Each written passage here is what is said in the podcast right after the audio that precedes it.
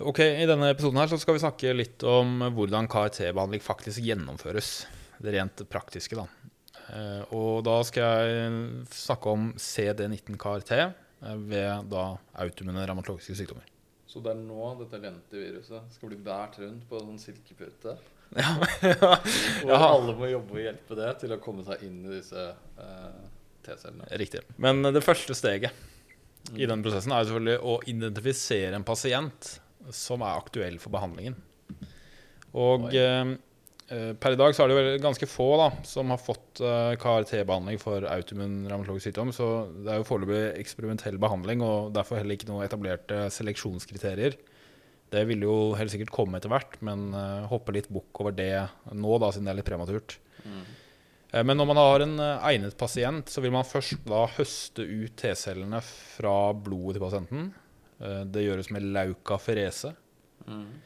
Uh, Og i laboratoriet som sagt, så klarer man altså da å på en måte skille ut T-cellene av, av alle de andre cellene som høstes ut. Jeg gjetter at man bruker disse CD-reseptorene. Ja, så det er nok noe CD3 og CD4 og CD8 som er involvert i den prosessen, helt sikkert. Uh, Men deretter så tar man da et laboratoriefremstilt uh, genprodukt som kode for den spesifikke reseptoren. Altså mRNA som kode for en kimær antigenreseptor. Og som vi nevnte i forrige episode, så finnes det ulike typer for CAR, altså kimære antigenreseptorer. Men um, vi skal gjøre det litt enkelt for oss selv her, og da sier vi at denne CAR, denne kimære antigenreseptoren, har et eksocellulært domene som ligner en av armene til en B-cellereseptor, og som binder spesifikt til CD19. Mm. Og det intracellulære domenet det er fra en T-cellereseptor, som sagt. Mhm.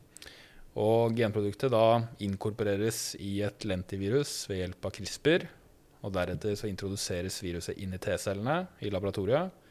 Og viruset vil da, som nevnt, ved hjelp av reverstranskriptase inkorporere genet for CAR inn i T-cellens DNA.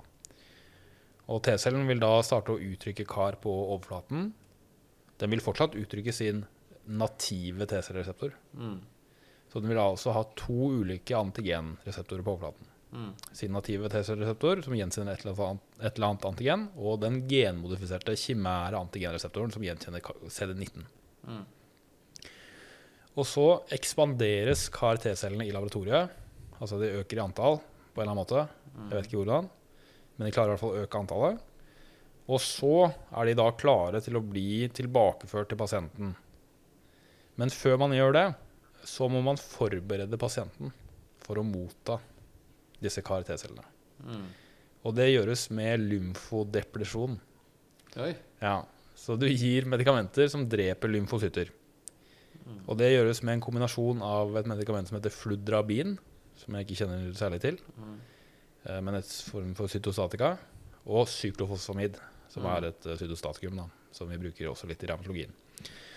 Men altså, dette, disse medikamentene dreper lymfocytter. Eh, Men hensikten er ikke å drepe alle lymfocytter. Mm. Ikke sant? Det er ikke sånn som cellegiften ved HMAS. Eh, Så man skal, ikke drepe, man skal ikke drepe alle, man skal bare drepe en god del. Mm. Og grunnen til at man skal gjøre det, er for å gjøre plass til CAR-T-cellene. Mm. Altså i blodet, i lymfevev og i andre vev. Mm. Sånn at det ikke er fullt av T-celler der når CAR-T-cellene blir tilbakeført til pasienten. Fordi det at det er litt plass, gjør at de har god sjanse, altså disse CAR-T-cellene har god sjanse til å finne seg en egnet bolig i kroppen. Og det gjør det også mer sannsynlig at CAR-T-cellene blir aktivert og gjennomgår klonal ekspansjon inni kroppen, fordi det ikke er så mange andre T-celler som på en måte konkurrerer om ressursene og plassen. Da. Ja. Så det er litt som tigre som vandrer inn og finner seg nye territorier. Det må være litt tomt for å bli plass til en igjen. Ja, det er akkurat den samme analogien jeg tenkte på. Men uh, siden lymfodeplasjon ikke dreper alle B-cellene, så vil jo de infunderte CAR-T-cellene møte B-celler både i blod, i lymfevev og i annet vev. Og de vil drepe alle B-cellene som uttrykker CD19. De trenger ikke å få antigenet presentert, ikke sant? Fordi de er, har jo B-cellefunksjon i CAR-T-cellereseptoren sin. Det holder derfor at B-cellene bare har CD19 på overflaten, og en- enhver binding av CD19 til CAR-T-cellereseptoren fører da til aktivering av CAR-T-cellen og drap av cellen som uttrykker det autoantigenet, altså B-cellen. Mm. Og det, mm, den CAR-T-cellen blir jo da aktivert, gjennomgår klonal ekspansjon, eh, og som fører til at det blir enda flere CAR-T-celler i kroppen. Mm. Denne lymfodepresjonen, bare litt tilbake til det, det kan sikkert gjøres på mange ulike måter, men den måten Georg Schett sin gruppe beskriver i sine publikasjoner, det innebærer eh, følgende steg, da. De gjør laukaferese, altså høsting av T-celler, tolv dager før CAR-T-cellene skal infunderes tilbake. Mm. Deretter så gir de fludrabin fem, fire og tre dager før infusjon av CAR-T-celler. Og så gir de cyklofosfamid tre dager før infusjon. Mm. Um, så tolv dager før tar du ut T-cellene. Så bruker man da de tolv dagene på å modifisere dem og gjøre dem klare. Og så de dagene rett forut for infusjon så er det da lymfodepresjon med disse cytos cytostatikaene. Mm. Og så får de da pasienten CAR T-cellene inn i kroppen, og så kan man kvantitere eh, B- og T-celler mm, før og også etter in- infusjonen av CAR T-cellene.